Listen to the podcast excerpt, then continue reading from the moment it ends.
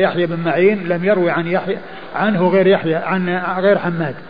يعني عن هشام هذا الذي هو بن عمرو الفزاري. نعم. قال أبو داود روى عيسى بن يونس عن سعيد بن أبي عروبة عن قتادة عن سعيد بن عبد الرحمن بن أبزة عن أبيه رضي الله عنه عن أبي بن كعب رضي الله عنه أن رسول الله صلى الله عليه وسلم قنت يعني في الوتر قبل الركوع. ثم ورد أبو داود رحمه الله هذا الحديث الذي رواه معلقا ولم يروه مسندا وأن النبي صلى الله عليه وسلم عن أبي بن كعب أن النبي صلى الله عليه وسلم قنت في الوتر قبل الركوع. قنت في الوتر قبل الركوع ففيه إثبات يعني شيئين. كون النبي صلى الله عليه وسلم قنت وأنه كان قبل الركوع. وقنوت النبي صلى الله عليه وسلم يعني من فعله ذكر الشيخ الألباني في صفة صلاة النبي صلى الله عليه وسلم أنه لم يأتي إلا عن طريق أبي بن كعب. لم يأتي إلا من طريق أبي بن كعب. يعني لم يأتي عن أحد من الصحابة.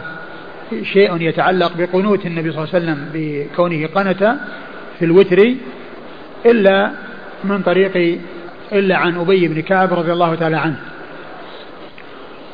و وهنا أيضا قال أنه قبل الركوع. أنه قبل الركوع. وقد جاء في بعض الأحاديث أنه بعد الركوع عند البيهقي وذكر ذلك آه، صاحب عون المعبود. وقال إن يعني إن كون بعد الركوع يتأيد بفعل الخلفاء الراشدين أبي بكر وعمر رضي الله تعالى عنهما فإنهم كانوا يقنتون بعد الركوع. وعلى كل فالقنوت بعد الركوع وبعد وقبل الركوع كله سائغ وكله جائز وكله ثابت. كله ثابت يعني قبل الركوع وبعده. فهو عن الرسول صلى الله عليه وسلم قبل الركوع وبعده وأيضا جاء عن الصحابة عن الخلفاء عن أبي بكر وعمر رضي الله تعالى عنهما القنوت بعد الركوع.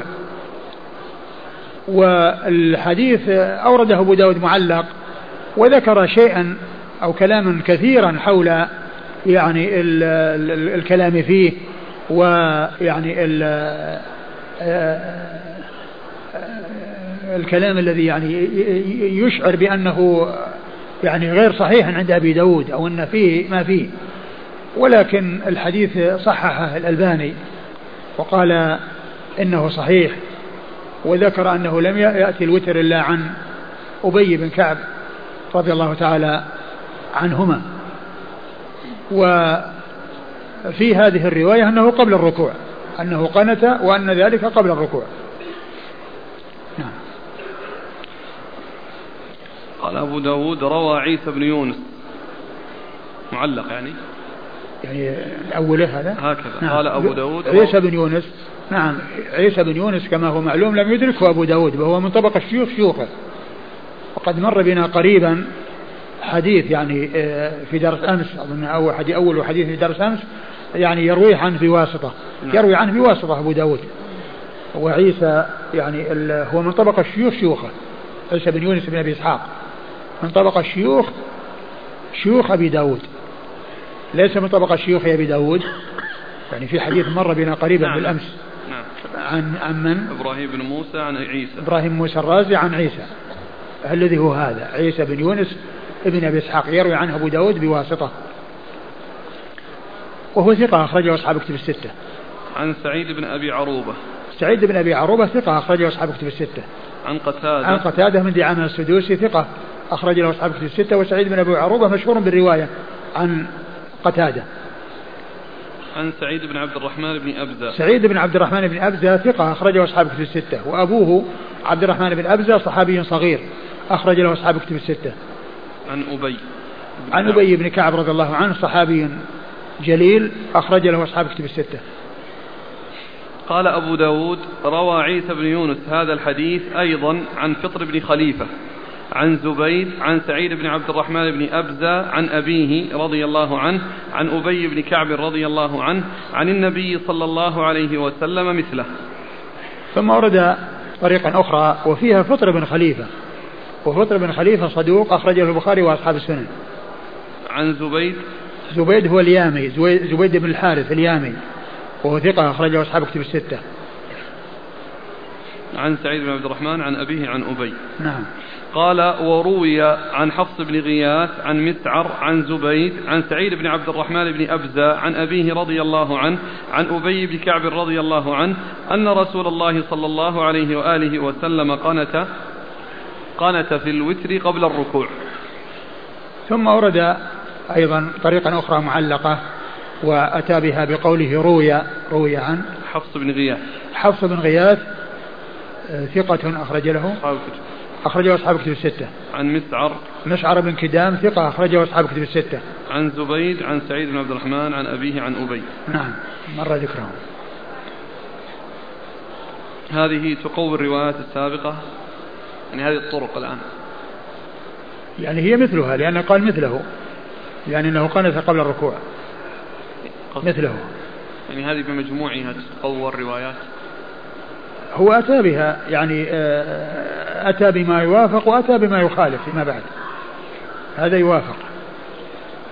قال أبو داود وحديث سعيد عن قتادة رواه يزيد بن زريع عن سعيد عن قتادة عن عزرة عن سعيد بن عبد الرحمن بن أبزة عن أبيه رضي الله عنه عن النبي صلى الله عليه وآله وسلم لم يذكر القنوت ولا ذكر أبيا. ثم ذكر طريقا أخرى تنتهي إلى عبد الرحمن بن أبزة وليس فيها ذكر القنوت ولا ذكر أبي بن كعب. ولا ذكر أبي بن كعب الذي هو الصحابي الذي آه، جاء في الطريقين السابقتين. إيش قال في أولها؟ وحديث سعيد وحديث سعيد عن قتادة رواه يزيد بن زريع. نعم طريقة أخرى ولكن فيها مخالفة. نعم. يزيد بن زريع. يزيد بن زريع ثقة أخرج أصحاب الستة. عن سعيد عن قتادة عن عزرة. عن عزرة بن عبد الرحمن وهو ثقة أخرج له مسلم وأبو داود والترمذي والنسائي. ثقة أخرجه مسلم وأبو داود والترمذي والنسائي. عن سعيد بن عبد الرحمن بن أبزة عن أبيه عن النبي صلى الله عليه وسلم. نعم. وكذلك رواه عبد الأعلى ومحمد بن بشر العبدي وسماعه بالكوفة مع عيسى بن يونس ولم يذكر القنوت. يعني هذا مثل الرواية السابقة الأخيرة ليس فيها ذكر القنوت. وكذلك رواه عبد الأعلى. عبد الأعلى ابن عبد الأعلى ثقة أخرجه أصحاب كتب الستة. ومحمد بن بشر العبدي. محمد بن بشر العبدي ثقة أيضا أخرجه أصحاب كتب الستة. قال وسماعه بالكوفة من عي مع عيسى بن يونس. أي نعم يعني أنه مع مع عيسى بن يونس الذي جاء من طريق آه، في ذكر أبي بن كعب وفيه أنه قنت قبل الركوع وهذا ما في ذكر القنوت. وقد رواه أيضا هشام الدستوائي وشعبة عن قتادة ولم يذكر القنوت.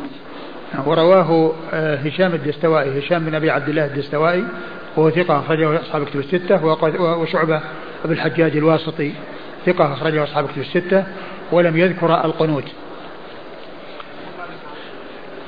في هذا في كونه يعني انه ما, ما ذكر القنوت. هذاك في الأول في ذكر القنوت وهذا ما في ذكر القنوت.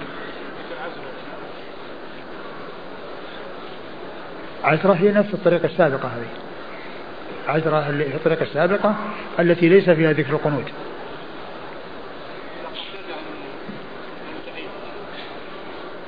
وش فيها؟ أي نعم هذه طريقة ثانية. نعم.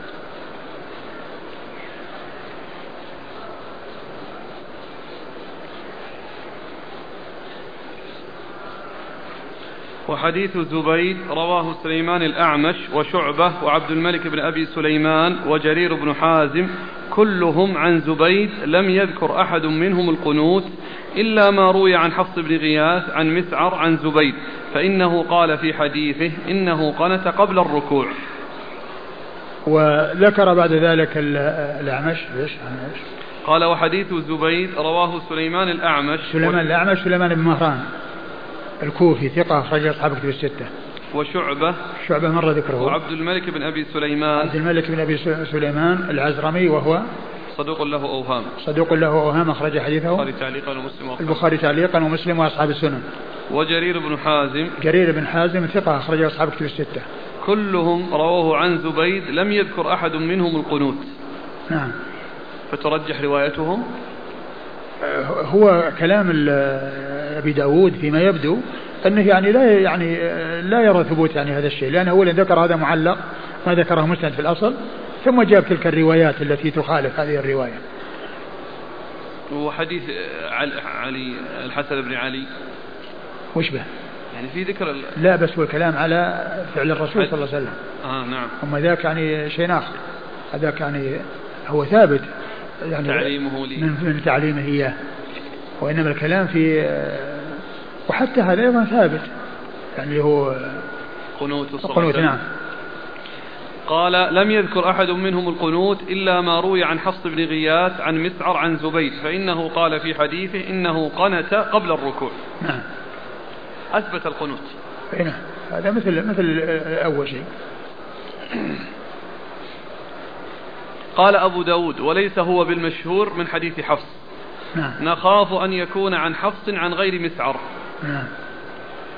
قال أبو داود ويروى أن أبيا رضي الله عنه كان يقنت في النصف من شهر رمضان. نعم ويروى أن أبيا كان يقنت في النصف من شهر رمضان. يعني معناه أن أنه يعني آه أنه يعني ما كان يعني يفعل ذلك دائما. يعني وهذا يعني كأن فيه يعني شيء من توهين يعني قضية آه الرواية لأن يكون ما يفعله دائما.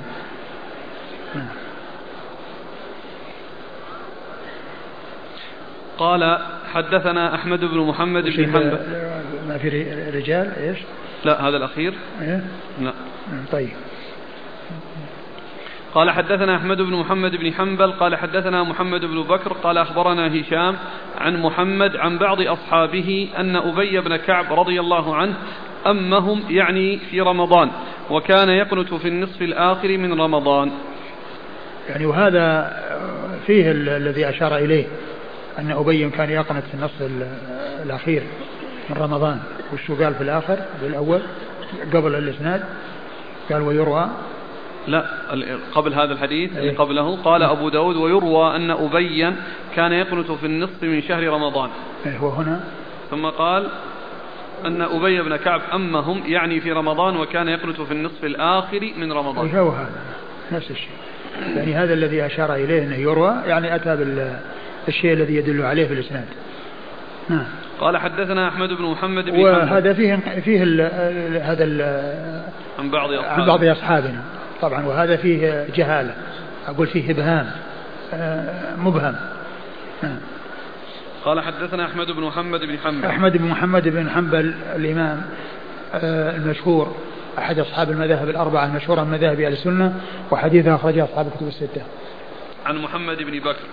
عن محمد بن بكر وهو البرساني صدوق قد يخطئ أخرج له أصحاب الكتب. صدوق أخرج له أصحاب الكتب الستة. صدوق قد صدوق قد يخطئ. نعم. أخرج له أصحاب الكتب الستة. عن هشام عن محمد. عن هشام وهو بن حسان. هشام بن حسان ثقة أخرج له أصحاب الكتب الستة. عن محمد. عن محمد بن سيرين. ثقة أخرج له أصحاب الكتب الستة. عن بعض أصحابه أن أبي بن كعب أمهم. نعم.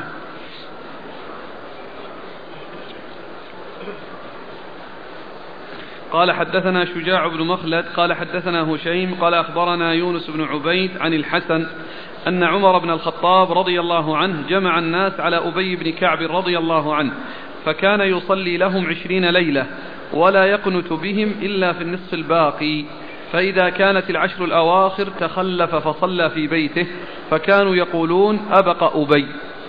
قال أبو داود وهذا يدل على أن الذي ذكر في القنوت ليس بشيء وهذان الحديثان يدلان على ضعف حديث أبي رضي الله عنه أن النبي صلى الله عليه وسلم قنت في الوتر. أي نعم. يعني هذا كل الكلام الذي راح كله توهين للحديث عند أبي داود. وقد صرح به في الآخر. وأن أبي يعني كان يقنت يعني في النصف الأخير وأنه يعني ذهب وتركهم في العشر الأواخر. لكن الحديث يعني غير ثابت لأن لأنه منقطع لأن الحسن يعني يقول أن عمر بن الخطاب والحسن ولد قبل وفاة عمر بسنتين أو بثلاث. وعمر توفي في آخر سنة 23 أو أول سنة 24 يعني فهو منقطع.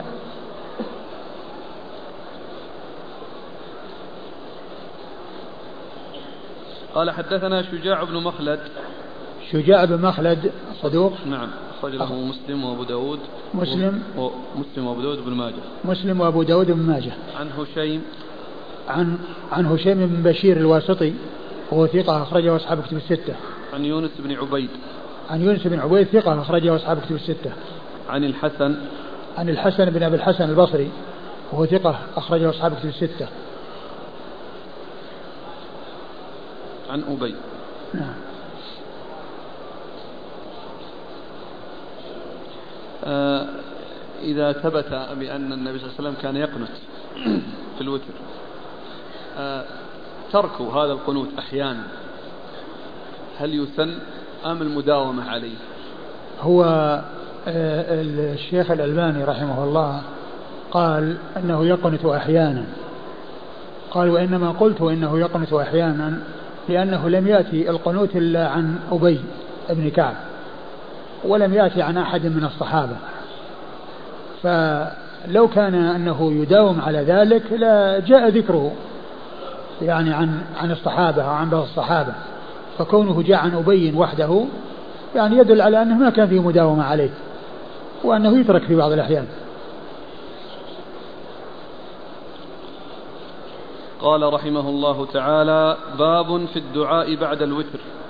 قال حدثنا عثمان بن أبي شيبة قال حدثنا محمد بن أبي عبيدة قال حدثنا أبي عن الأعمش عن طلحه الايامي عن ذر عن سعيد بن عبد الرحمن بن أبزة عن أبيه رضي الله عنه عن أبي بن كعب رضي الله عنه أنه قال كان رسول الله صلى الله عليه وسلم إذا سلم في الوتر قال سبحان الملك القدوس.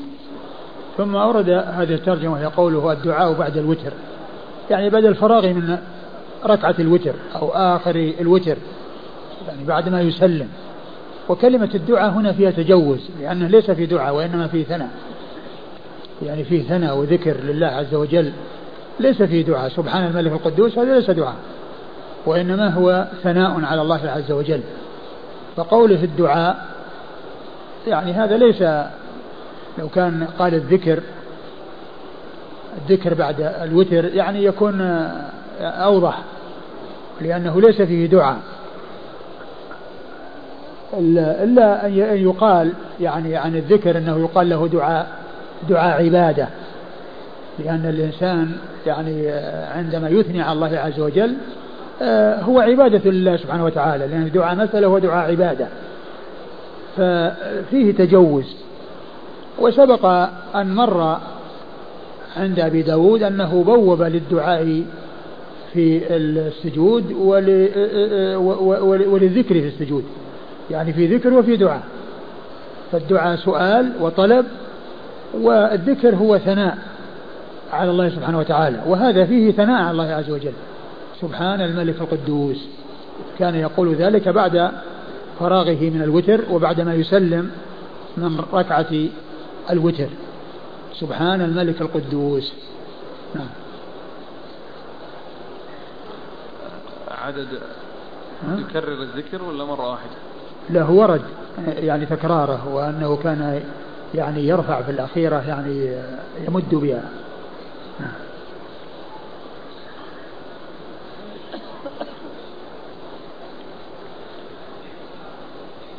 قال حدثنا عثمان بن أبي شيبة عثمان بن أبي شيبة ثقة اخرج أصحاب الكتب الستة إلا الترمذي. عن محمد بن أبي عبيدة. محمد بن أبي محمد بن أبي عبيدة.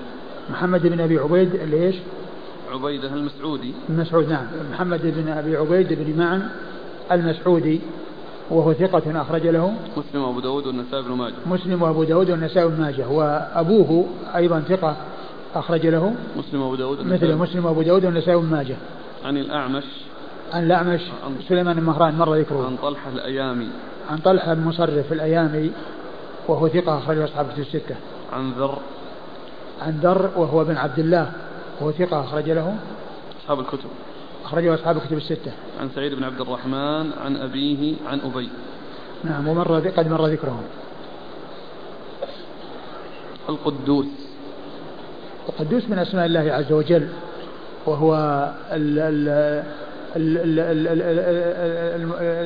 الذي هو الغاية في التنزيه و يعني عن كل يعني ما لا يليق بالله سبحانه وتعالى لأنه من الأسماء التي فيها التنزيه لله سبحانه وتعالى.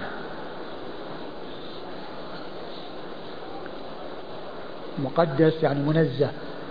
نعم ها؟ على وش؟ والله يعني آه، إذا كان ورد يؤتى به ما أعرف هل ورد ولا ما ورد لكن هذا ورد قال حدثنا محمد بن عوف قال حدثنا عثمان بن سعيد عن أبي غسان محمد بن مطرف المدني عن زيد بن أسلم عن عطاء بن يسار عن أبي سعيد رضي الله عنه أنه قال قال رسول الله صلى الله عليه وآله وسلم من نام عن وتره أو نسيه فليصله إذا ذكره. ثم أورد أبو داود رحمه الله حديث أبي سعيد الخدري رضي الله عنه أن النبي صلى الله عليه وسلم قال من نام عن وتره فليصله إذا ذكره. من نام عن وتره فليصلي أو نسيه. من نام عن وتره أو نسيه فليصليه فليصله إذا ذكره. وهذا الحديث لا علاقة له بالترجمة ترجمة الدعاء بعد الوتر. الدعاء بعد بعد الوتر. هذا ليس فيه دعاء ولا علاقة له في الدعاء فهو ليس له علاقة بالترجمة. وقد قال صاحب علم المعبود لعل له ترجمة خاصة وأنها قد سقطت يعني قبل الحديث. يعني بين هذا الباب السابق وبين هذا الحديث فيكون له ترجمة تخصه. لأنه لا علاقة له في الترجمة السابقة وهي الدعاء بعد الوتر. وفيه دليل يعني وهو يدل على قضاء الوتر. يعني أنه إذا ذكره. ولفظه عام. يشمل على أنه مثل الصلوات الخمس. إذا من نسي صلاة ونام عنها فليصليها إذا ذكرها. لكن جاء عن النبي صلى الله عليه وسلم أنه كان إذا أصابه مرض أو لم يتمكن من صلاته بالليل صلى من الضحى ثنتي عشرة ركعة أو صلى من النهار ثنتي عشرة ركعة لأنه كان يصلي 11 ركعة بالليل. فكان يصلي ثنتي عشرة والحديث في صحيح مسلم وفي غيره يعني أنه يأتي بها مشفوعة حتى لا يكون وترا بالنهار. يأتي بالمقدار الذي كان يصليه بالنهار لكنه لا يأتي به وترا وإنما يأتي به مشفوعا. المقدار هو المقدار ولكن في الزيادة ركعة.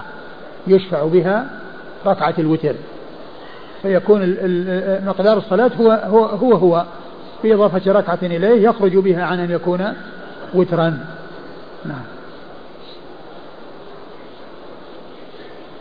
قال حدثنا محمد بن عوف.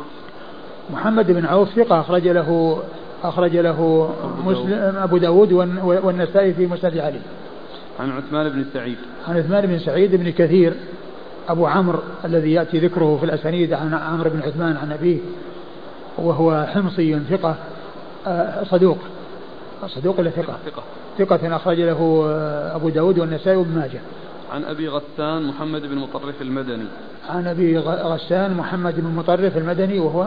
ثقة أخرج له أصحاب الكتب. وهو ثقة أخرجه أصحاب الكتب الستة. عن زيد بن أسلم. عن زيد بن أسلم ثقة أخرجه أصحاب الكتب الستة. عن عطاء بن يسار. عن عطاء بن يسار ثقة أيضا أخرجه أصحاب الكتب الستة. عن أبي سعيد.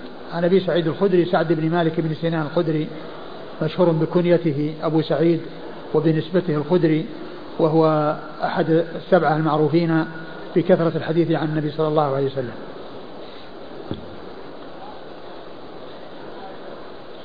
إذا يعني هذا الحديث يقيده فعل النبي صلى الله عليه وسلم. هو الحديث هذا عام لكن كون النبي صلى الله عليه وسلم يعني كان يفعل ذلك في هذا الوقت يدل على أنه هو الذي ينبغي أن يفعل فيه. قال رحمه الله تعالى باب في الوتر قبل النوم. قال حدثنا ابن المثنى قال حدثنا أبو داود قال حدثنا أبان بن يزيد عن قتادة عن أبي سعيد من أزد شنوءة عن أبي هريرة رضي الله عنه أنه قال أوصاني خليلي صلى الله عليه وعلى آله وسلم بثلاث لا أدعهن لا أدعهن في سفر ولا حضر. ركعتي الضحى وصوم ثلاثة أيام من الشهر وألا أنام إلا على وتر. ثم ورد أبو داود رحمه الله الوتر قبل النوم. يعني يكون الإنسان يأتي بوتره قبل أن ينام. وهذا فيه تفصيل. إذا كان الإنسان لا يثق أنه يقوم آخر الليل فلا ينام إلا وقد أوتر. وأما إذا كان يعني يعلم بأنه سيقوم ويثق من نومه من قيامه آخر الليل فيكون وتره في آخر الليل. لقوله صلى الله عليه وسلم اجعلوا آخر صلاتكم الليل وترا. وقوله صلاة الليل مثنى مثنى فإذا خشي أحدكم الصبح أتى بركعة وتر ما مضى. والوتر يكون في أول الليل ووسطه آخره. وقد جاء عن النبي صلى الله عليه وسلم كما سيأتي أنه كان أوتر من أول الليل ووسطه آخره وانتهى وتره إلى السحر وأنه مات صلى الله عليه وسلم وكان يوتر في آخر الليل. يعني آخر ما كان يحصل منه أنه كان يوتر في آخر الليل صلى الله عليه وسلم. فمن وثق بأنه يقوم آخر الليل يجعل وتر في آخر الليل. ومن لم يكن كذلك يوتر قبل أن ينام. يوتر قبل أن ينام لئلا يعرض آه، وتره للفوات بأن يغلبه النوم فلا يستيقظ إلا بعد أن انتهى وقت الوتر الذي هو طلوع الفجر. أورد فيه حديث أبي هريرة رضي الله عنه. أن النبي صلى الله عليه وسلم قال أوصاني خليلي صلى الله عليه وسلم بثلاث لا أدعهن في حضر ولا في سفر. صيام ثلاثة أيام من كل شهر وركعة الضحى وأن أوتر وأن أنام على وتر يعني أنه يوتر قبل أن ينام. والحديث ثبت في الصحيحين عن أبي هريرة لكن ما في ذكر الحضر والسفر. ما فيه أنه لا يدعهن لا في حضر ولا في سفر. ثبت عن أبي هريرة في صحيح البخاري ومسلم أنه قال أوصاني خليلي صلى الله عليه وسلم بثلاث ركعتي الضحى وصيام ثلاثة أيام من كل شهر وأن أوتر قبل أن أنام. وأن أوتر قبل أن أنام.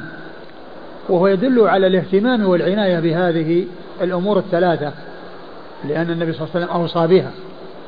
وقول أبي هريرة خليلي لا ينافي قول الرسول صلى الله عليه وسلم لو كنت متخذا من أمتي خليلا لاتخذت أبا بكر خليلا. لأن هذا من أبي هريرة وليس من الرسول صلى الله عليه وسلم. المنفي هو كون النبي صلى الله عليه وسلم يتخذ خليلا. والمثبت هنا كون أبي هريرة اعتبر النبي خليله وقال إن النبي خليلي فلا فما فيه تنافي وما فيه تعارض بين قول الرسول لو كنت متخذا لأن الرسول ما اتخذ أبا هريرة خليلا حتى يأتي أو حتى يقال فيه معارضة. وإنما أكثر ما في الأمر أن أبا هريرة قال إن النبي صلى الله عليه وسلم خليلي. فهو شيء من من من جهة أبي هريرة وليس من جهة النبي صلى الله عليه وسلم فالجهة منفكة. الجهة منفكة. يعني قضية النفي والإثبات يعني منفكة. آه ركعتي الضحى وصيام ثلاثة أيام من كل شهر وأن أوتر قبل أن أنام. لكن ليس فيه ذكر الحضر والسفر. ومعلوم أن النبي صلى الله عليه وسلم آه آه ما كان يترك الوتر يعني لا في الحضر ولا في السفر صلى الله عليه وسلم. فهو لا يترك في الحضر ولا في السفر الوتر. والصيام النبي صلى الله عليه وسلم جاء عنه أنه كان يصوم يعني في ويفطر. كان يصوم ويفطر صلى الله عليه وسلم في السفر. ولكن حيث وجدت المشقة فالفطر أفضل وحيث لم توجد فإنه لا بأس بالصيام. وركعتي الضحى جاء عن النبي صلى الله عليه وسلم في آه، فتح مكة في حديث أم هاني أنه صلى ثمان ركعات وذلك ضحى. فيحتمل أن تكون هي صلاة الضحى ويحتمل أن تكون هي شكر الله عز وجل على الفتح الذي حصل له وهو فتح مكة. لكن الذي في الصحيحين هو عدم ذكر الحضر والسفر. أوصاني خليلي صلى الله عليه وسلم بثلاث ركعتي الضحى وصيام ثلاثة أيام كل شهر وأن أوتر قبل أن أنام. نعم. الإسناد؟ قال حدثنا ابن المثنى. ابن المثنى هو محمد المثنى العنزي أبو موسى الملقب بالزمن. ثقة أخرجه أصحاب الكتب بل هو شيخ لأصحاب الكتب. عن أبي داود. عن أبي داود وهو سليمان داود الطيالسي ثقة أخرج له آه، البخاري تعليقا ومسلم وأصحاب السنن. عن أبان بن يزيد. عن أبان بن يزيد العطار وهو ثقة أخرجه أصحاب الكتب الستة. إلا ابن ماجه. إلا ابن ماجه. أصحاب الكتب الستة إلا ابن ماجه. عن قتادة عن أبي سعيد من أزد شنوءة. عن أبي سعيد من أزد شنوءة. وهو مقبول, مقبول. أخرج له أبو داود. أخرج له أبو داود. عن أبي هريرة. عن أبي هريرة عبد الرحمن بن صخر الدوسي صاحب رسول الله صلى الله عليه وسلم وهو أكثر الصحابة حديثا على الإطلاق. وهذا الرجل الذي جاء في الإسناد وهو مقبول آه، لا يؤثر لأنه جاء في الصحيحين. يعني من رواية أبي عثمان النهدي عن أبي هريرة. يعني فكونه جاء عن هذا الرجل آه، الحديث صحيح. الحديث صحيح لأنه جاء من طرق صحيحة وفي الصحيحين ليس من هذا الطريق لأن هذا ما روى له أبو داود ولكنه جاء من غير طريقه. هل صحيح أن النبي صلى الله عليه وسلم أوصى أبا هريرة بأن يوتر قبل أن ينام لما علم أنه يسهر في مذاكرة الحديث؟ فربما شق عليه أن يقوم آخر الليل. هذا التوجيه صحيح؟ لا أدري. قال حدثنا عبد الوهاب بن نجدة قال حدثنا أبو اليمان عن صفوان بن عمرو عن أبي إدريس السكوني عن جبير بن نفير عن أبي الدرداء رضي الله عنه أنه قال أوصاني خليلي صلى الله عليه وسلم بثلاث لا أدعهن لشيء. أوصاني بصيام ثلاثة أيام من كل شهر ولا أنام إلا على وتر. وبسبحة الضحى في الحضر والسفر. ثم أورد أبو, أبو داود رحمه الله حديث أبي الدرداء وفيه وهو مثل حديث أبي هريرة في ذكر الثلاث. وفيه أيضا ما في حديث أبي هريرة أنه سبحة الضحى في الحضر والسفر. في الحضر والسفر. لكن الحديث ورد في صحيح مسلم وليس فيه ذكر الحضر والسفر. وفيه قوله أوصاني حبيبي صلى الله عليه وسلم بثلاث. أوصاني حبيبي صلى الله عليه وسلم بثلاث وذكر الثلاث. وهو مثل حديث أبي هريرة ويدل على ما دل عليه حديث أبي هريرة من التوصية بهذه الأمور الثلاثة. نعم. قال حدثنا عبد الوهاب بن نجدة. عبد الوهاب بن نجدة هو ثقة أخرجه أبو داود والنسائي. ثقة أخرجه أبو داود والنسائي. عن أبي اليمان. عن أبي اليمان وهو الحكم بن نافع ثقة أخرجه أصحاب الكتب الستة. عن صفوان بن عمرو. عن صفوان بن عمرو وهو؟ ثقة أخرجه البخاري في الأدب المفرد ومسلم وأصحاب السنن. وهو ثقة أخرجه البخاري في الأدب المفرد ومسلم وأصحاب السنن. عن أبي إدريس السكوني. عن أبي إدريس السكوني وهو؟ مقبول أخرجه أبو داود. وهو مقبول أخرج له أبو داود. عن جبير بن نفير. عن جبير بن نفير وهو ثقة أخرج له. البخاري في الأدب المفرد ومسلم وأصحاب السنن البخاري في الأدب المفرد ومسلم وأصحاب السنن عن أبي الدرداء. عن أبي الدرداء آه وهو عويمر بن زيد. عويمر بن زيد رضي الله عنه وحديثه أخرجه أصحاب الكتب الستة. أظن دقيقة أو دقيقتين كم باقي؟ دقيقة ولا دقيقتين؟ انتهى الباب؟ لا باقي حديث. حديث إيش؟ الحديث عن أبي قتادة النبي صلى الله عليه وسلم قال لأبي بكر متى توتر؟ قال أوتر من أول الليل. أيوه طيب. والله تعالى أعلم وصلى الله وسلم وبارك على عبده ورسوله نبينا محمد وعلى آله وأصحابه أجمعين. جزاكم الله خيرا وبارك الله فيكم ونفعنا الله بما قلتم. الدرس إن شاء الله في المكان هذا ولا؟ ما أدري هل الشيخ عبد القادر موجود أو غير موجود؟ ما أدري. إيه يقول نعم. ها؟ يقول يقول الدرس تدريس يعني ما هو موجود. يعني ما هو موجود. لا ما هو موجود. إذا كان موجود أنا تريد أن نبقى هنا ولا لا هنا هنا إن شاء الله. ها؟ نبقى هنا إن شاء الله. لا بأس. جزاكم الله خير.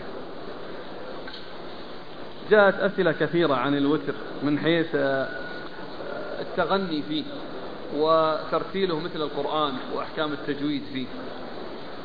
والله يعني مسألة التجويد هو ما ما يؤتى به يعني كالقرآن يجود وإنما يؤتى به آه، آه، بدون يعني بدون تغني وبدون يعني تجويد.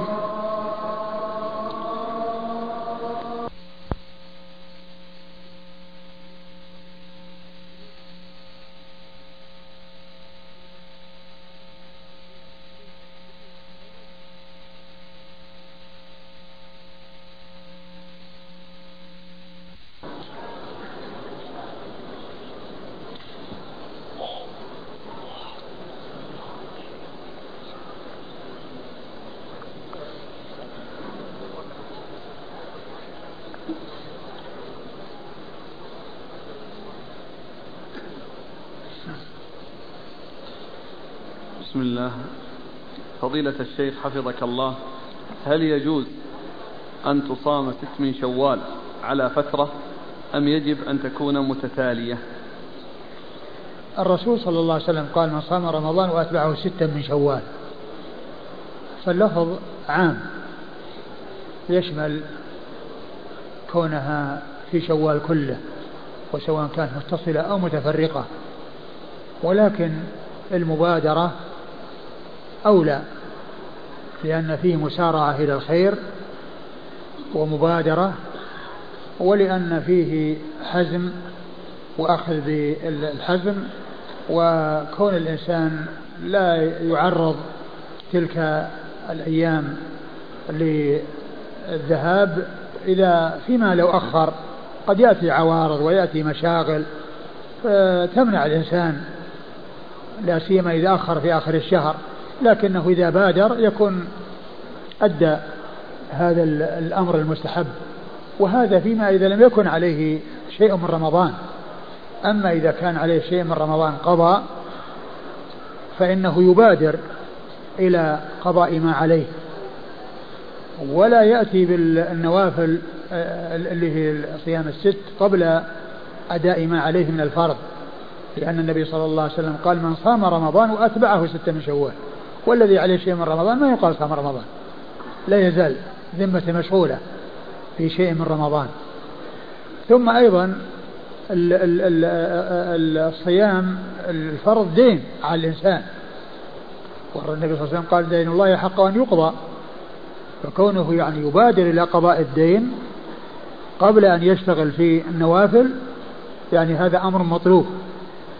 وقد ذكر الحافظ بن حجر في فتح الباري قال قال بعض الأكابر من شغله الفرض عن النفل فهو معذور ومن شغله النفل عن الفرض فهو مغرور من شغله النفل عن الفرض فهو مغرور يعني يترك يعني ما أوجب الله عليه ويأتي بشيء لم يوجبه الله عليه.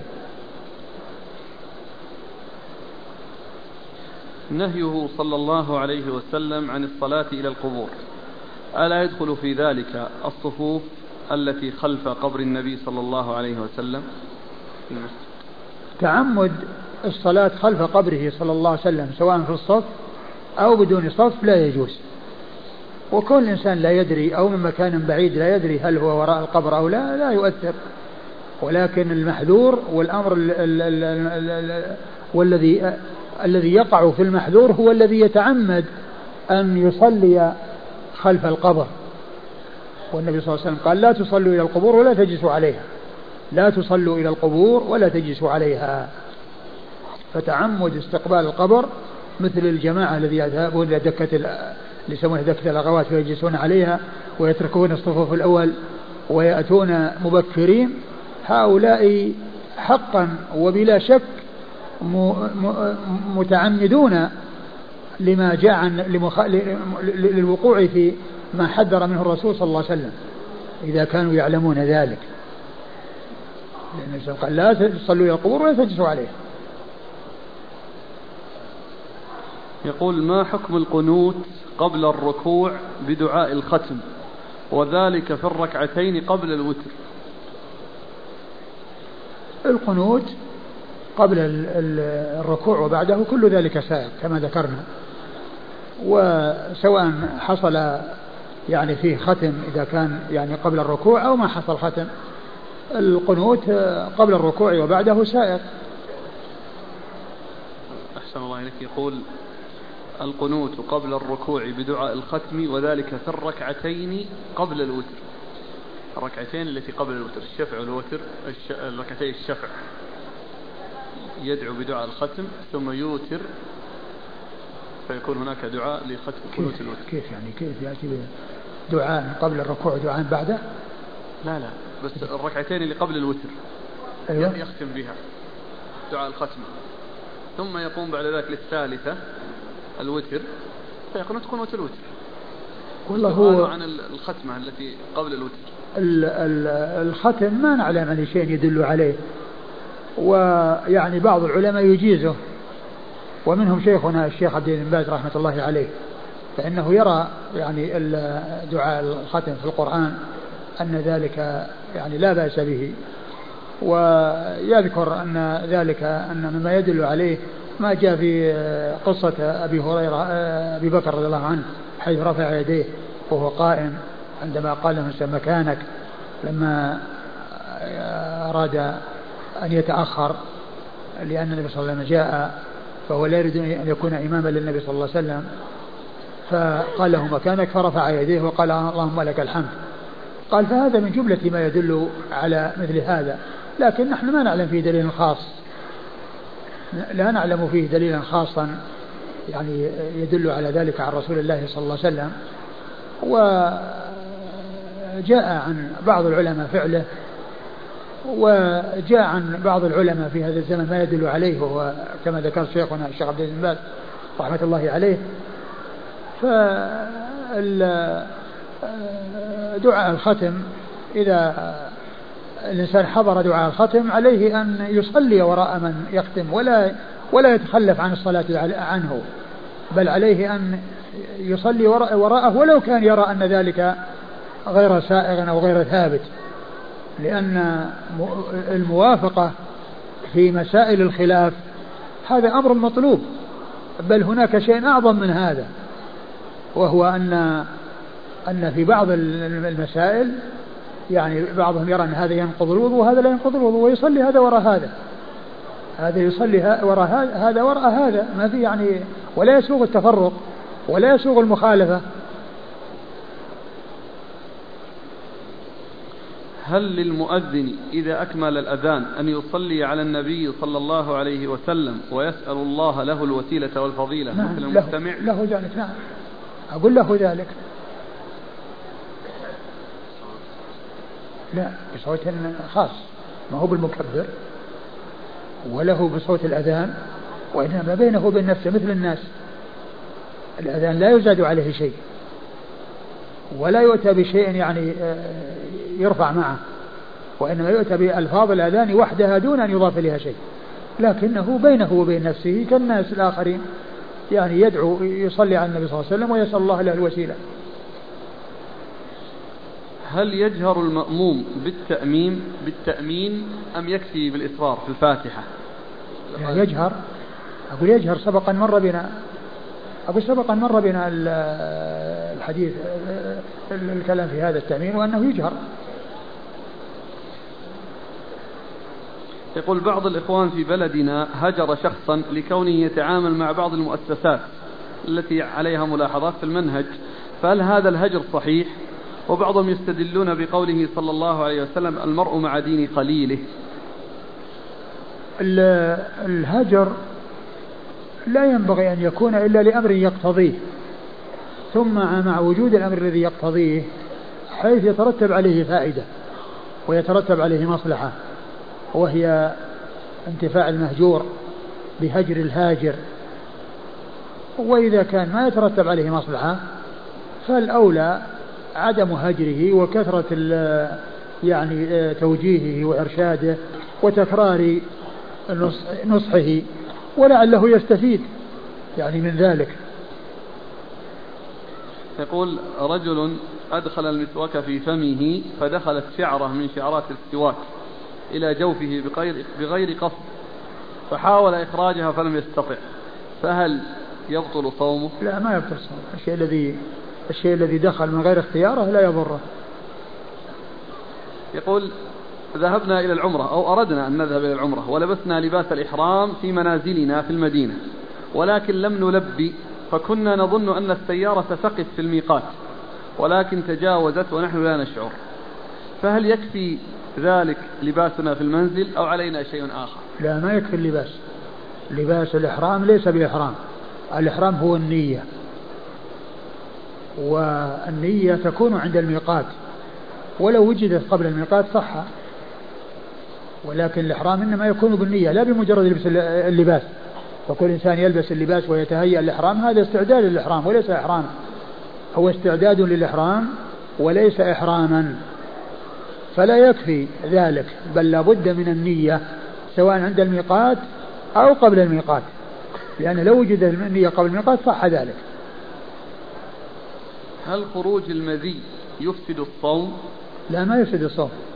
خروج المذي لا يفسد الصوم.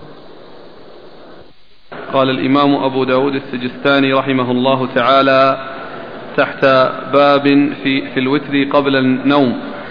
قال حدثنا محمد بن أحمد بن أبي خلف قال حدثنا أبو زكريا يحيى بن إسحاق السليحيني قال حدثنا حماد بن سلمة عن ثابت عن عبد الله بن رباح عن أبي قتادة رضي الله عنه أن النبي صلى الله عليه وآله وسلم قال لأبي بكر رضي الله عنه متى توتر؟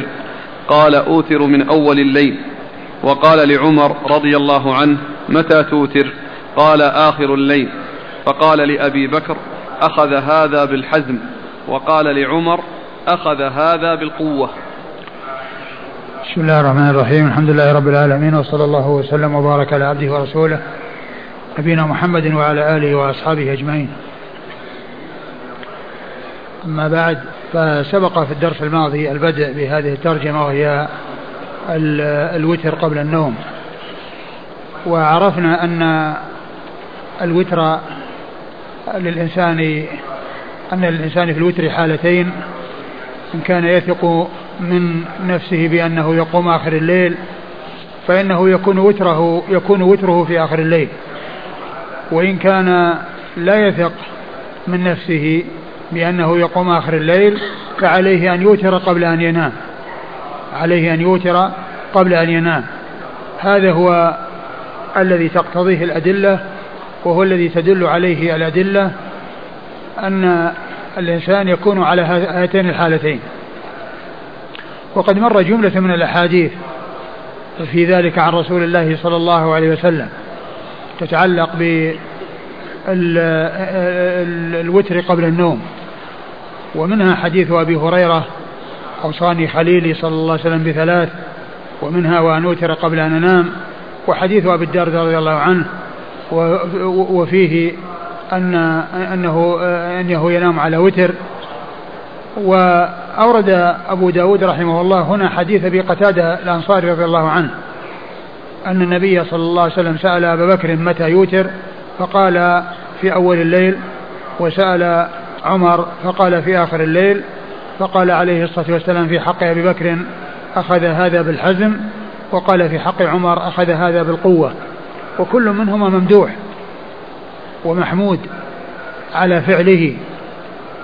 وقوله أخذ هذا بالحزم قيل معناه يعني ضبط الأمور والحذر من فوات الشيء. وخروج وعدم الاتيان بالشيء المطلوب الذي هو الوتر. لأن الإنسان إذا أوتر قبل أن ينام فقد اطمأن إلى أنه أدى ما هو مطلوب منه. ومعلوم أن الوتر يكون في أول الليل وسطه آخره. والنبي صلى الله عليه وسلم أوتر من أول الليل ووسطه وآخره. أوسط من أول الليل ومن وسطه وآخره صلى الله عليه وسلم. فكل ذلك سائغ وكل ذلك جاءت به السنة. فوصف أبا بكر بأنه أخذ بالحزم وهو ضبط الأمور وعدم آه، تعريض الشيء للفوات وأخذ وقال في حق عمر أخذ هذا بالقوة وهو النشاط والقوة التي آه، آه، كل منهما محمود الذي أخذ بالحزم والذي أخذ بالقوة. ويدلنا أيضا على أن الوتر يكون في أول الليل وفي آخر من أول الليل وفي آخره. لأن الرسول صلى الله عليه وسلم أقر هذا وأقر هذا. وقبل ذلك هو كان يفعله صلى الله عليه وسلم. كان يوتر من أول الليل ومن وسطه ومن آخره صلى الله عليه وسلم. نعم. الإسناد قال حدثنا محمد بن أحمد بن أبي بن أبي محمد خلف. بن أحمد بن أبي خلف ثقة أخرج حديثه مسلم وأبو داود. عن أبي زكريا يحيى بن إسحاق. عن أبي زكريا يحيى بن إسحاق وهو صدوق. نعم. أخرج له مسلم وأصحاب السنن. نعم. أخرج له مسلم وأصحاب السنن. عن حماد بن سلمة. عن حماد بن سلمة وهو ثقة أخرج له البخاري تعليقا ومسلم وأصحاب السنن. عن ثابت. عن ثابت نعم. وهو بن أسلم البناني ثقة أخرجه أصحاب كتب الستة. عن عبد الله بن رباح. عن عبد الله بن رباح وهو ثقة أخرج له. مسلم وأصحاب السنن. أخرج له مسلم وأصحاب السنن. عن أبي قتادة. عن أبي قتادة الحارث بن ربعي الأنصاري رضي الله عنه صاحب رسول الله صلى الله عليه وسلم مشهور بكنيته أبو قتادة وحديثه أخرجه أصحاب كتب الستة. قال رحمه الله تعالى باب في وقت الوتر. قال حدثنا أحمد بن يونس قال حدثنا أبو بكر بن عياش عن الأعمش عن مسلم عن مسروق أنه قال قلت لعائشة رضي الله عنها متى كان يوتر رسول الله صلى الله عليه وعلى آله وسلم؟ قالت كل ذلك قد فعل أوتر أول الليل ووسطه وآخره ولكن انتهى وتره حين مات إلى السحر.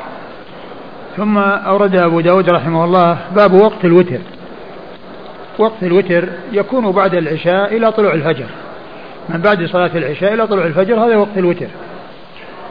و آه، أورد أبو داود رحمه الله حديث عائشة رضي الله عنها أن أنه أنها لما سئلت عن وقت وتر الرسول صلى الله عليه وسلم قالت من كل ليل أوتر. من كل الليل قالت إيش؟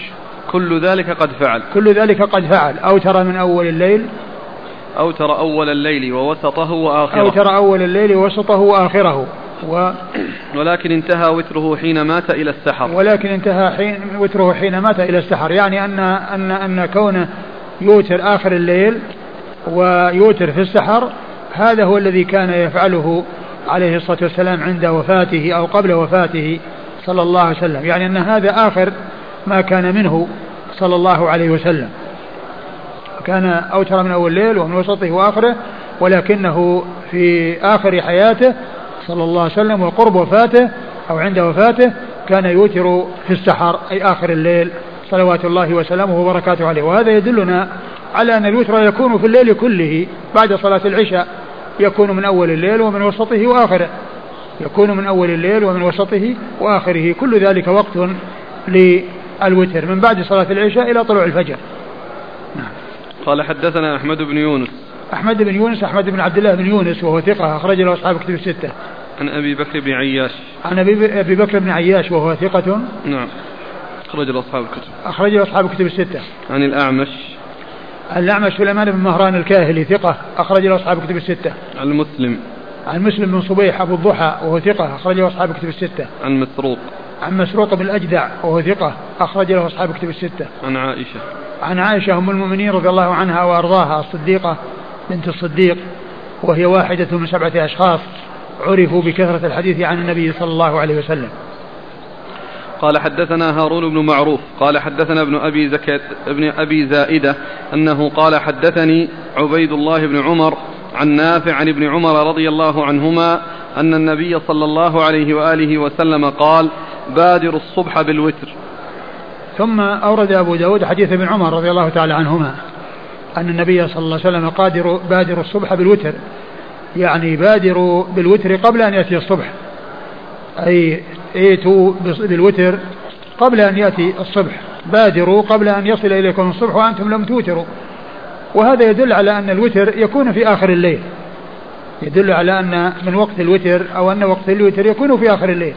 كما أنه يكون أيضا في أوله وفي وسطه إلا أن هذا دال على أن وقته يكون في آخر الليل. ولهذا قال عليه الصلاة والسلام بادروا الوتر بادروا الصبح بالوتر. يعني آه، بادروا بالوتر, بالوتر قبل أن يطلع الصبح. لأنه, لأنه إذا طلع الصبح انتهى وقت الوتر. نعم. قال حدثنا هارون بن معروف. هارون بن معروف آه ثقة. نعم. أخرج له. البخاري ومسلم وأبو داود. البخاري ومسلم وأبو داود عن, عن ابن أبي زائدة عن ابن أبي زائدة هو يحيى بن زكريا بن أبي زائدة وهو ثقة أخرجه أصحاب في الستة عن عبيد الله بن عمر عن عبيد الله بن عمر وهو العمري المصغر عبيد الله بن عمر بن حفص بن عاصم العمري المصغر وهو ثقة أخرج له أصحاب كتب الستة. عن نافع. عن نافع مولى بن عمر وهو ثقة أخرج له أصحاب كتب الستة. عن عبد الله بن عمر بن الخطاب رضي الله عنهما آه، أحد العبادلة الأربعة من الصحابة وأحد السبعة المعروفين بكثرة الحديث عن النبي صلى الله عليه وسلم من أصحابه الكرام رضي الله عنهم وأرضاهم. قال حدثنا قتيبة بن سعيد قال حدثنا الليث بن سعد عن معاوية بن صالح عن عبد الله بن أبي قيس أنه قال سألت عائشة رضي الله عنها عن وتر رسول الله صلى الله عليه وآله وسلم. قالت ربما أوتر أول الليل وربما أوتر من آخره. قلت كيف كانت قراءته؟ أكان يسر بالقراءة أم يجهر. قالت كل ذلك كان يفعل. ربما أسر وربما جهر. وربما اغتسل فنام. وربما توضأ فنام. قال أبو داود وقال غير قتيبة تعني في الجنابة. ثم ورد أبو داود حديث عائشة رضي الله عنها وأنها سئلت عن وتر رسول الله صلى الله عليه وسلم. قالت ربما أوتر من أول الليل وربما أوتر من آخره. يعني أنه يفعل ذلك أحيانا ويفعل ذلك أحيانا. يوتر من أول الليل ويوتر من آخره. وسبق حديثها الذي قبل ذا الذي الذي مر وأنه أوتر من أوله وسطه وآخره. أوتر من أوله وسطه وآخره وأنه انتهى وتره إلى السحر. يعني حين مات أي آه، في آخر حياته وفي آخر أيامه عليه الصلاة والسلام أنه كان يوتر آخر الليل. فهذا يدل على أن وقت الوتر آه، يكون في أول الليل ويكون في آخره. وسئلت أيضا عن قراءته في الصلاة يعني في الليل هل يجهر أو يسر؟ فقالت آه، تارة ربما أسر وربما جهر لأنه يجهر أحيانا ويسر أحيانا. وهذا على حسب الفائدة والمصلحة. فإن الذي يصلي بالليل آه، يمكن أن يكون جهره يعني في بعض الأحيان أنشط وذلك حيث لا يتأذى بجهره أحد. ويمكن أن يكون الإنسان يعني يعني تحصل منه القراءة ويطيل القراءة ويتعب فيحتاج إلى الإصرار. وأيضا قد يكون حوله من يتأذى بجهره فإنه يسر. فالحاصل أنه يراعى في ذلك المصلحة. يجهر في الصلاة في صلاة الليل ولكنه إذا اقتضى الأمر الإصرار فإنه يسر. إذا اقتضى الأمر الإصرار فإنه يسر. وإلا فإن صلاة الليل يجهر بها ولكن حيث يقتضي الأمر الإصرار فإنه يسر. ولهذا النبي صلى الله عليه وسلم أسر وجهر. نعم. قالت إيش بعد ذلك؟ وربما اغتسل فنام وربما توضأ فنام. وربما اغتسل فنام وربما توضأ فنام يعني من الجنابة يعني أنه يغتسل أحيانا وينام وأحيانا يتوضأ وينام دون قبل دون أن يغتسل. نعم. قال حدثنا قتيبة بن سعيد قتيبة بن سعيد بن جميل بن طريف البغلاني ثقة أخرج له أصحاب كتب الستة. عن الليث بن سعد. عن الليث بن سعد المصري ثقة فقيه أخرج له أصحاب الكتب الستة. عن معاوية بن صالح. عن معاوية بن صالح وهو صدوق له أوهام أخرج البخاري في جزء القراءة ومسلم وأصحاب السنن. وهو صدوق له أوهام أخرج حديثه البخاري في جزء القراءة ومسلم وأصحاب السنن. عن عبد الله بن أبي قيس. عن عبد الله بن أبي قيس وهو ثقة أخرج له البخاري في الأدب المفرد ومسلم وأصحاب السنن. وهو ثقة أخرجه البخاري في الأدب المفرد ومسلم وأصحاب السنن. عن عائشة. عن عائشة وقد مر ذكرها. قال أبو داود وقال غير قتيبة تعني في الجنابة. قال أبو داود وقال غير قتيبة تعني في الجنابة لأنه ذكر الاغتسال والوضوء وفي رواية غير آه، قتادة غير آه، قتيبة أنه قال تعني من الجنابة يعني اغتسل ونام أو آه، توضأ ونام حيث يكون عليه جنابة. حيث يكون عليه جنابة أحيانا يغتسل وينام وأحيانا يتوضأ فقط وينام. نعم.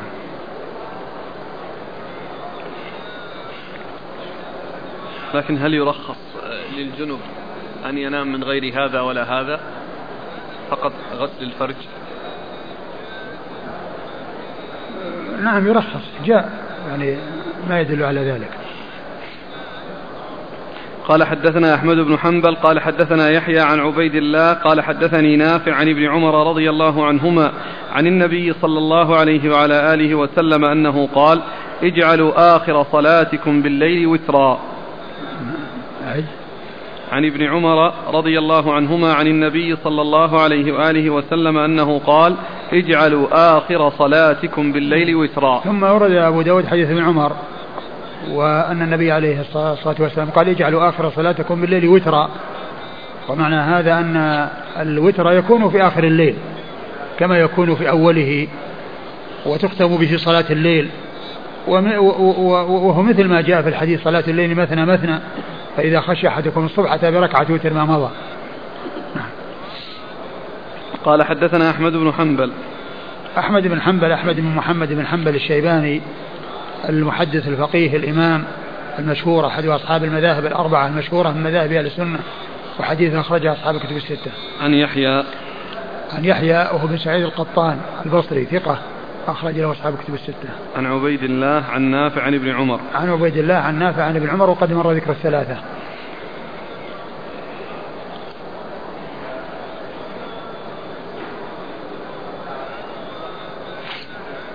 قال رحمه الله تعالى باب في نقض الوتر.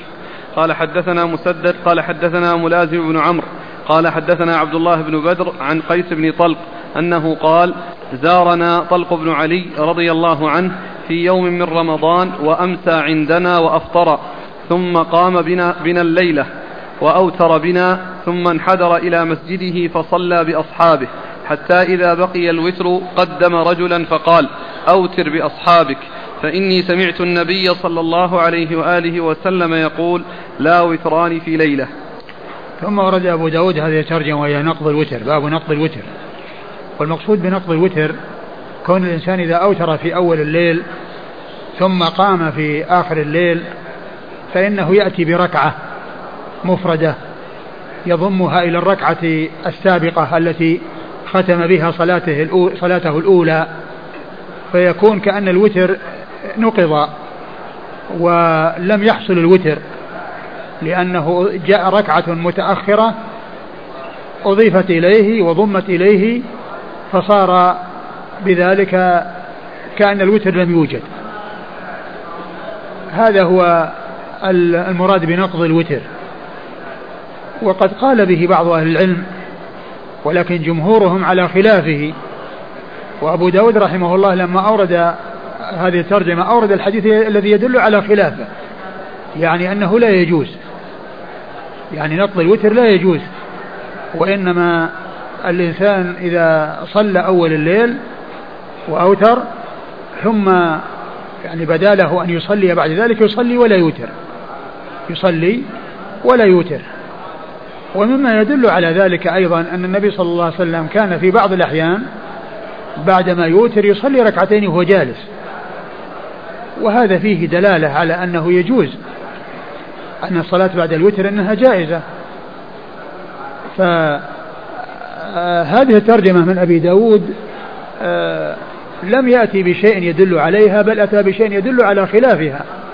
يعني وأن ذلك لا يجوز وأنه آه، لا ينقض الوتر. ولأن هذا النقض في الحقيقة إنما هي عدة أوتار. يعني لأنه يعني أوتر أتى بركعة مستقلة ثم في آخر الليل أتى بركعة مستقلة وفي الآخر سيأتي بركعة. فيكون صلى ركعة واحدة ثلاث مرات. ب آه، يعني بتكبير وقراءة وتشهد وتسليم فعل ذلك ثلاث مرات. فالقول بأن هذا نقض للوتر يعني ليس بواضح بل بل آه، تلك ركعة وهذه ركعة. ويأتي سيأتي بعد ذلك في آخر شيء أيضا ركعة. فأبو داود عقد الترجمة وأتى بشيء يدل على خلافها يعني أنه لا ينقضي الوتر وأورد في حديث طلق بن علي رضي الله عنه طلق بن علي اليمامي رضي الله عنه أنه جاء آه، إلى جماعة يعني الذي فيهم ابنه علي بن طلق قيس. و أفطر وصلى معهم من أول الليل وصلى بهم وأوتر. ثم انحدر إلى قومه وصلى بهم. ولما بقي الوتر قدم واحدا من أصحابه وقال أوتر بأصحابك فإني سمعت رسول فإن النبي أن النبي صلى الله عليه وسلم قال لا وتران في ليلة. لا وتران في ليلة يعني هو لا يريد أن يوتر لأنه قد أوتر. وهذا يدلنا على أن الإنسان إذا أوتر في أول الليل أو في أثناء الليل وبعد ذلك قام في آخر الليل فله أن يصلي ما شاء من النوافل شفعا شفعا ولكنه لا يوتر مرة أخرى لأن النبي عليه الصلاة والسلام قال لا وتران في ليلة. يعني في الليلة الواحدة فيها وتر واحد وليس فيها وتري وليس فيها وتران. بل فيها وتر واحد. قال عليه الصلاة والسلام, عليه الصلاة والسلام لا وتران في ليلة. نعم. قال حدثنا مسدد. مسدد بن مسرهد البصري ثقة أخرج حديث البخاري وأبو داود والترمذي والنسائي. عن ملازم بن عمرو. عن ملازم بن عمرو اليمامي وهو ثقة أخرج له أصحاب. السنن الأربعة. صدوق. ثقة ولا صدوق؟ صدوق. صدوق. صدوق أخرجه أصحاب أصحاب السنن الأربعة. عن عبد الله بن بدر. عن عبد الله بن بدر اليمامي وهو ثقة أخرجه أصحاب السنن الأربعة. عن قيس بن طلق. عن قيس بن طلق بن علي وهو صدوق نعم. أخرجه أصحاب السنن عن طلق بن علي. عن طلق بن علي صاحب رسول الله صلى الله عليه وسلم اليمامي وهو صحابي أخرج له أصحاب السنن الأربعة. وهذا الحديث هذا الإسناد فيه أربعة كلهم يماميون وكلهم أخرج لهم أصحاب الكتب الأربعة أصحاب السنن الأربعة ما خرج لهم أصحاب البخاري ومسلم. يعني يعني من بعد مسدد اللي هو ملازم وعبد الله بن بدر والقيس بن طلق وطلق بن علي هؤلاء الأربعة يماميون وحديثهم خرجه أصحاب السنن الأربعة.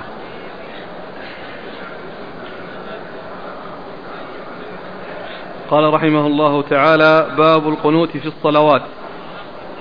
قال حدثنا داود بن أمية قال حدثنا معاذ يعني بن هشام قال حدثني أبي عن يحيى بن أبي كثير أنه قال حدثني أبو سلمة بن عبد الرحمن قال حدثنا أبو هريرة رضي الله عنه أنه قال والله لأقربن لكم صلاة رسول الله صلى الله عليه وسلم. قال فكان أبو هريرة يقنت في الركعة الآخرة من صلاة من صلاة الظهر. وصلاة العشاء الآخرة وصلاة الصبح فيدعو للمؤمنين ويلعن الكافرين. ثم أورد أبو داود رحمه الله هذه الترجمة باب القنوت في الصلوات أي القنوت في النوازل. ليس القنوت الوتر لأنه انتهى ما يتعلق بالوتر والقنوت فيه فبدأ فيما يتعلق بالقنوت في الصلوات في الصلوات المفروضة. والقنوت في الصلوات المفروضة إنما يكون في النوازل ويكون فيها كلها. في الصلوات الخمس كلها يقنت بها. وليس القنوت خاصا في صلاة دون صلاة بل هو ثابت في جميع الصلوات. بل هو ثابت في جميع الصلوات. القنوت في النوازل ويكون في جميع الصلوات كلها. أورد أبو داود رحمه الله حديث أبي هريرة أنه قال لأقربن لكم صلاة رسول الله صلى الله عليه وسلم. ف فإيش؟ فكان يقنت في الركعة الآخرة من صلاة الظهر. فكان يقنت في الركعة الآخرة من صلاة الظهر و وصلاة العشاء وصلاة العشاء وصلاة الصبح. وصلاة الصبح. يعني الظهر والعشاء والصبح. يدعو للمؤمنين ويلعن يدعو للمؤمنين ويلعن الكافرين. الكافرين. يعني فهذا يدل على أن القنوت في الصلوات أنه سائغ ولكنه إنما يكون في النوازل لا يكون دائما وأبدا ولا يكون في صلاة دون صلاة وإنما يكون في جميع الصلوات. نعم. أحسن الله إليك. معنى النوازل؟ يعني الأمور التي تحصل يعني مصائب أو وبلاء ينزل بالمسلمين. وخطر يحدق بالمسلمين هذه النوازل. إذا قنت في صلاة سرية يجهر؟ يجهر نعم. طيب القنوت في صلاة الجمعة. والله ما أعلم به لكن آه، يعني يبدو أنه مثل يعني مثل الظهر. يعني ما أعلم فيه يعني شيء لكن الجمعة هي بدل الظهر. قال حدثنا داود بن أمية. داود بن أمية ثقة أخرج له؟ أبو داود. أخرجه أبو داود وحده. عن معاذ يعني بن هشام. عن معاذ يعني بن هشام بن أبي عبد الله الدستوائي وهو صدوق ربما وهم أخرج له أصحاب كتب الستة. عن أبيه. عن أبيه هشام بن أبي عبد الله الدستوائي ثقة أخرج له أصحاب كتب الستة. عن يحيى بن أبي كثير. عن يحيى بن أبي كثير اليمامي وهو ثقة أخرجه أصحاب كتب الستة. عن أبي سلمة بن عبد الرحمن. عن أبي سلمة بن عبد الرحمن بن عوف وهو ثقة فقيه أحد فقهاء المدينة السبعة في عصر التابعين على أحد الأقوال الثلاثة في السابع منهم وحديثه أخرجه أصحاب كتب الستة. عن أبي عن أبي هريرة عبد الرحمن بن صخر الدوسي رضي الله عنه صاحب رسول الله صلى الله عليه وسلم وهو أكثر الصحابة حديثا على الإطلاق. قوله فيدعو للمؤمنين ويلعن الكافرين هل دعاء القنوت في النوازل وارد فيه نص معين مثل قنوت الوتر؟ ما نعلم فيه يعني لأنه على حسب النازلة وعلى حسب يعني ما يتعلق بها. والرسول كان يدعو لأناس ويدعو على أناس كما سيأتي يعني بأسمائهم. يعني كان مما دعا به أنه كان يدعو لأناس من المستضعفين وعلى أناس من الكفار الذين يؤذونهم. يلعن الكافرين اللعن. اللعن العام كما هو معلوم سائر لا لعنة الله على الكافرين لعنة الله على الظالمين. يعني اللعن بالوصف جاء بالقرآن والسنة. قال حدثنا أبو الوليد ومسلم بن إبراهيم وحفص بن عمر. قال حاء وحدثنا ابن معاذ قال حدثني أبي قالوا كلهم حدثنا شعبة عن عمرو بن مرة عن ابن أبي ليلى عن البراء رضي الله عنه أن النبي صلى الله عليه وعلى آله وسلم كان يقنت في صلاة الصبح زاد بن معاذ وصلاة المغرب.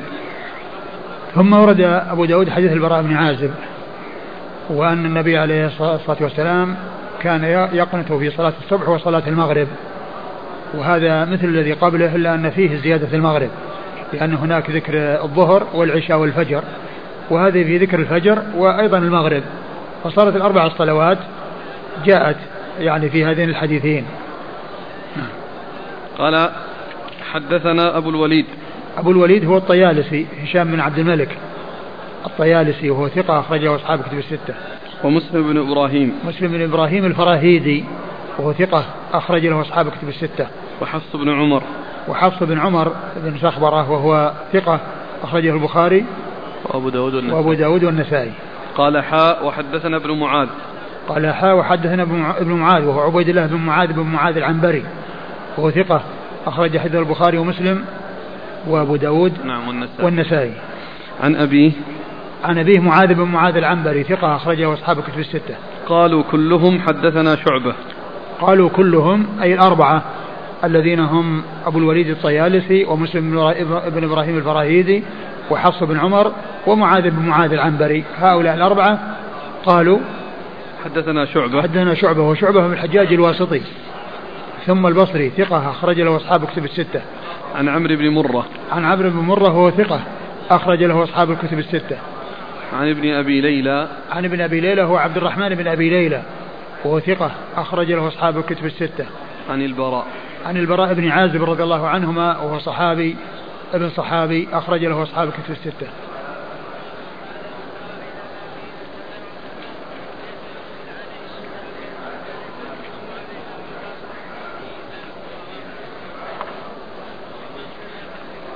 قال حدثنا عبد, الرحمن بن إبراهيم قال حدثنا الوليد قال حدثنا الأوزاعي قال حدثني يحيى بن أبي كثير قال حدثني أبو سلمة بن عبد الرحمن عن أبي هريرة رضي الله عنه أنه قال قنت رسول الله صلى الله عليه وآله وسلم في صلاة العتمة شهرا يقول في قنوته اللهم نج الوليد بن الوليد اللهم نج سلمة بن هشام اللهم نج المستضعفين من المؤمنين اللهم اشدد وطأتك على مضر اللهم اجعلها عليهم سنين كسني يوسف.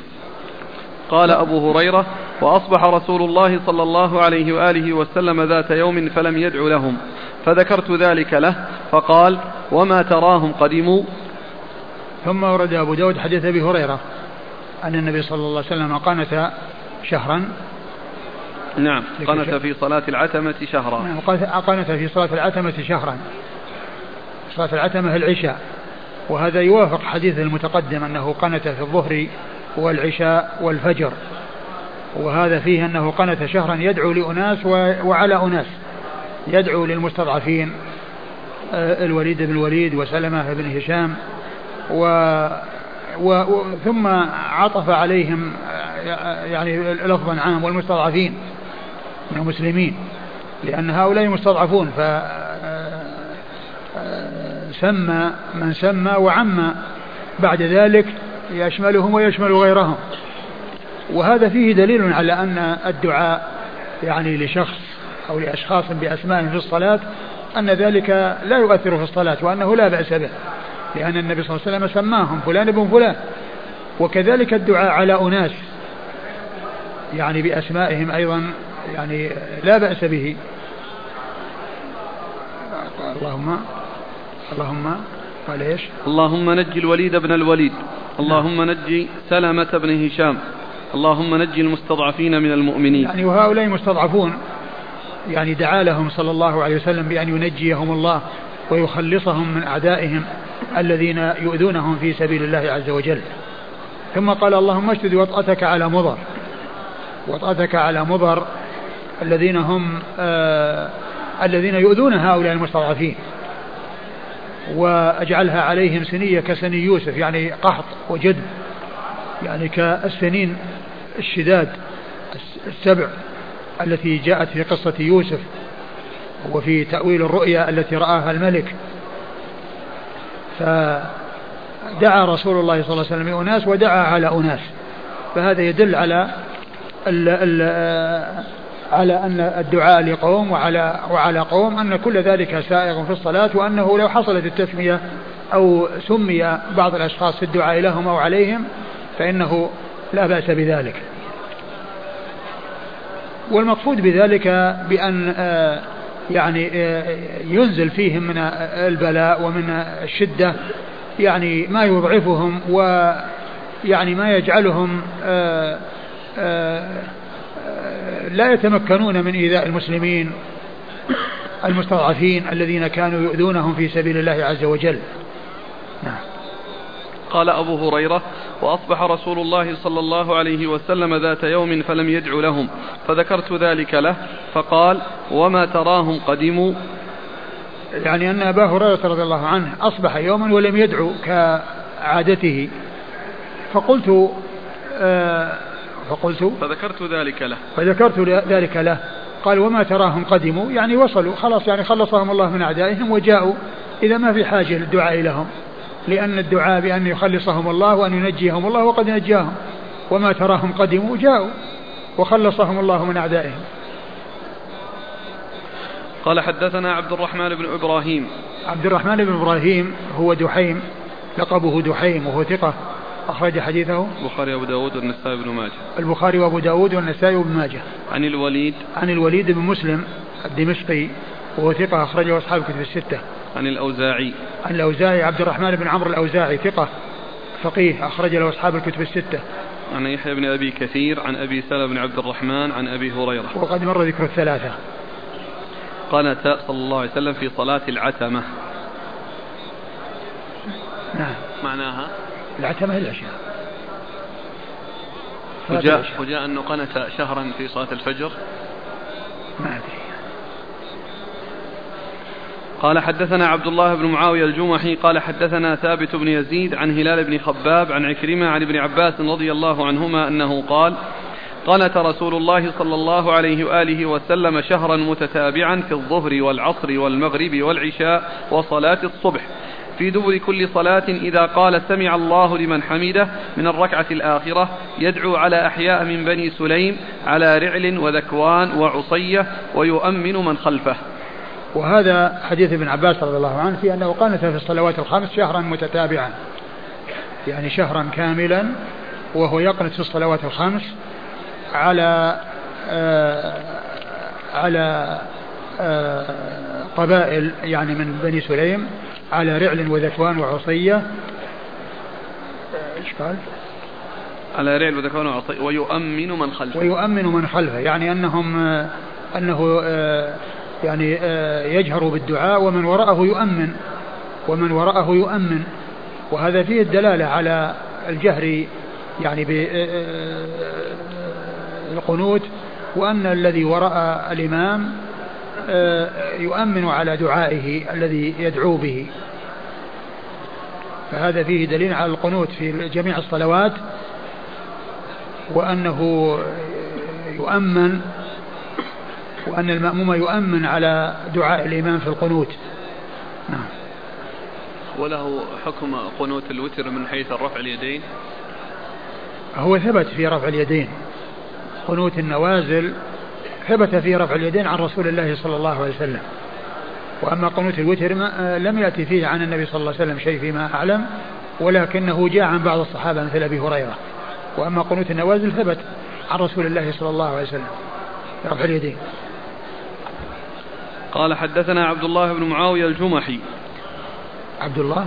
نعم. عبد الله مع... عبد الله بن معاوية الجمحي صدوق ثقة. ثقة أخرج أبو له داود والترمذي وابن ماجه. أبو داود والترمذي وابن ماجه. عن ثابت بن يزيد.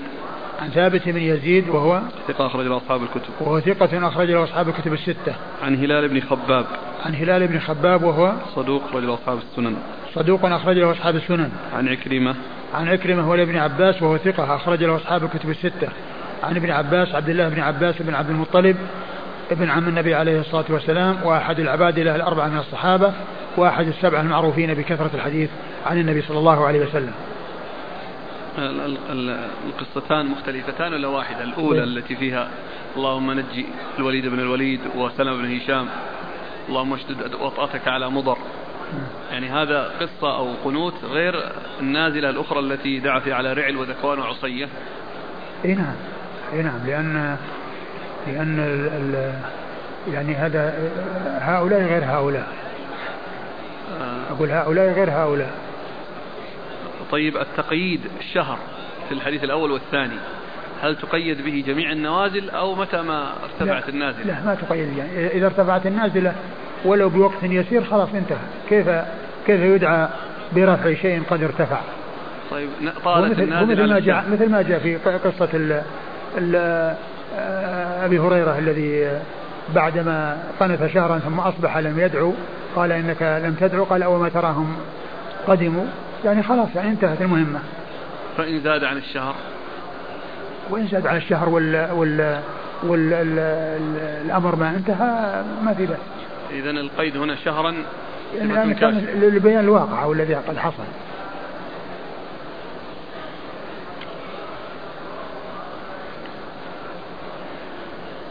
قوله هنا في دبر كل صلاة. يعني معنى في آخرها يعني في آخرها في بعد في أثنائها في الركعة الأخيرة لأن دبر الشيء هو آخره أو ما يلي آخره. دبر كل شيء هو آخره أو ما يلي آخره. وأدبار الصلوات هي أواخرها وما يلي أواخرها. ولهذا يأتي التعبير بالدبر فيما هو داخل الصلاة في آخرها وفيما هو في بعدها. مثل الحديث الذي فيه تكبرون وتهللون وتسبحون دبر كل صلاة 33 هذا بعد الصلاة. فيقال له دبر. وهذا ال- الحديث الذي معنا قال دبر في الصلاة يعني في آخر ركعة منها بعد الركوع. قال حدثنا سليمان بن حرب ومسدد قال حدثنا حماد عن أيوب عن محمد عن أنس بن مالك رضي الله عنه أنه سئل هل قنت رسول الله صلى الله عليه وآله وسلم في صلاة الصبح؟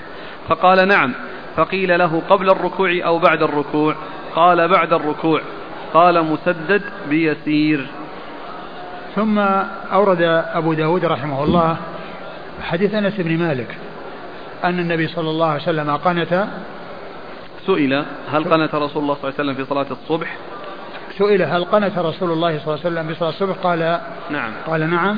قيل له قبل الركوع أو بعده؟ قيل له قبل الركوع أو بعده؟ قال بعده بيسير. قال بيسير قال بعد الركوع قال مسدد. قال مسدد يعني أحد في شيوخ نعم المعددين سليمان بن حرب نعم. ومسدد. نعم سليمان بن حرب ومسدد قال مسدد بيسير. وجاء في صحيح البخاري يسيرا. يعني فهذا فيه يس- يسيرا وفسرت بأن معناها أنه قنت قليلا بعد الركوع ومفهومه أنه قنت كثيرا قبل الركوع. أنه قنت كثيرا قبل الركوع. فقال فقوله هنا بيسير يوضحها ما جاء في صحيح البخاري أنه قال يسيرا بعد الركوع يسيرا. يعني معناه أنه قليلا يعني بعد الركوع. فيفهم منه أنه يكون قبل الركوع أيضا أو أن الكثير هو قبل الركوع. لا يسير متعلق كيف يا شيخ؟ نعم.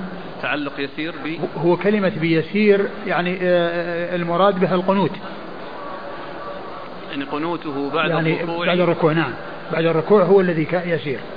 والأكثر؟ والأكثر يعني مفهوم أنه قبل الركوع كما جاء كما كما آه، جاء في صحيح البخاري قال بعد الركوع يسيرا قال في شرحه يعني يفهم منه أنه قبل الركوع يكون كثيرا على أحد الأقوال للعلماء في ذلك. الحديث السابق حديث ابن عباس. في دبر كل صلاة إذا قال سمع الله لمن حمده من الركعة هذا بعد الأخيرة الركوع. ها؟ هذا بعد الركوع. وقد قال أنه قنت شهرا. اي بس هذا هذا فيه على أنه بعد الركوع. الدليل ابن عباس على أنه بعد الركوع. وحديث أنس يدل على أنه يكون قبل الركوع وبعد الركوع. لأن قوله يسيرا يفهم منه وقد جاء مصرحا عنه أنه لما قيل انه قيل له أنك تقول أنه بعد الركوع قال كذب فلان. صحيح البخاري. يعني معناها قيل معناها أنه إذا كان كله بعد الركوع يعني معناه أنه يعني كذب. يعني واحد آه، نسب إليه أنه قال أن فلان قال كذا قال كذب فلان أنا الإشكال عندي إنه يعني القنوت بعد الركوع كان يسيرا قليلا والأكثر قبل الركوع. نعم هذا اللي يفهم حديث ابن عباس. آه، أنس. آه، لكن حديث ابن عباس إنه شهر كامل كان يقنت. هذا يمكن على حسب علم هذا وهذا على حسب علم هذا. آه طيب.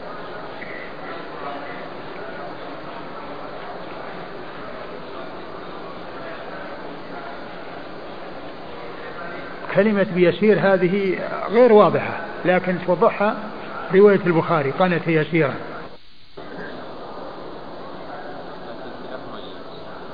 كلاهما جائز نعم. في الوتر كذلك كلاهما جائز. إلا أنه يعني هنا أكثر الروايات جاءت بأن القنوت يعني بعد الركوع. وهناك الروايات جاءت قبل الركوع اللي هو في الوتر. ولكنه جاء يعني في عند البيهقي كما ذكرت بالأمس آه، ومن طريق آه، شخص قال أبو بكر بن شيبة وهو من رجال البخاري وهو الذي يعني جاء من طريقه أنه بعد الركوع أنه قبل الركوع وأنه بعد الركوع يعني في الوتر. ويعني قال في آه، آه، عون المعبود ويعني ما يقويه ويدل عليه فعل الخلفاء الراشدين الأربعة. فإنه كانوا يعني يقولون بعد الركوع.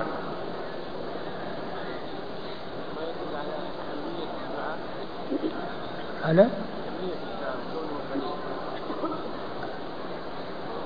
ما ما يعني ما ذكروا هذا. يعني لأن ال هذا قنت يسيرا لأنه كان بعد الركوع. قال قنت يسيرا يعني يعني بعد الركوع. وفي معنى ثالث يقول الأخ أليس معنى بيسير أن ينتظر قليلا ثم يدعو؟ والله أنا كنت أفهم هذا الشيء. أنا كنت فهمت هذا الشيء. قلت يعني معناه أنه يعني قليلا حتى يقول ربنا ولك الحمد حمدا كثيرا طيبا مباركا فيه يعني يعني يسكت يعني يقول هذا ثم يدعو. لكن لما رأيت في البخاري قوله قنت يسيرا بعد الركوع وشرحها الحافظ بن حجر بأنه يعني أنه يفهم منه أن الكثير قبل الركوع.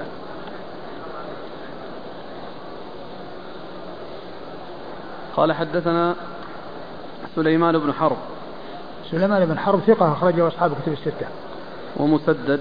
ومسدد مر ذكره. عن حماد. عن حماد هو بن زيد وهو ثقة. إذا جاء سليمان بن حرب يروي عن شخص عن حماد غير منسوب فالمراد به وكذلك مسدد. نعم. عن أيوب. عن أيوب بن أبي تميم السختياني ثقة أخرجه أصحاب الكتب الستة. عن محمد. عن محمد بن سيرين ثقة. أخرجه أصحاب الكتب الستة. عن أنس بن مالك رضي الله عنه صاحب رسول الله صلى الله عليه وسلم وخادمه وأحد السبعة المعروفين بكثرة الحديث عن النبي عليه الصلاة والسلام.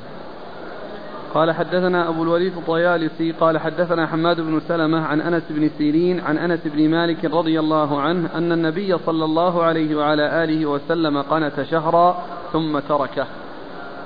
ثم أورد أبو داود حديث أنس أن النبي صلى الله عليه وسلم قنت شهرا ثم تركه.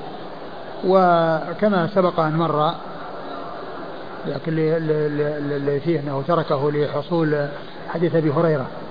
أنهم قدموا. نعم أنهم قدموا. أنه قنت شهرا ثم تركه.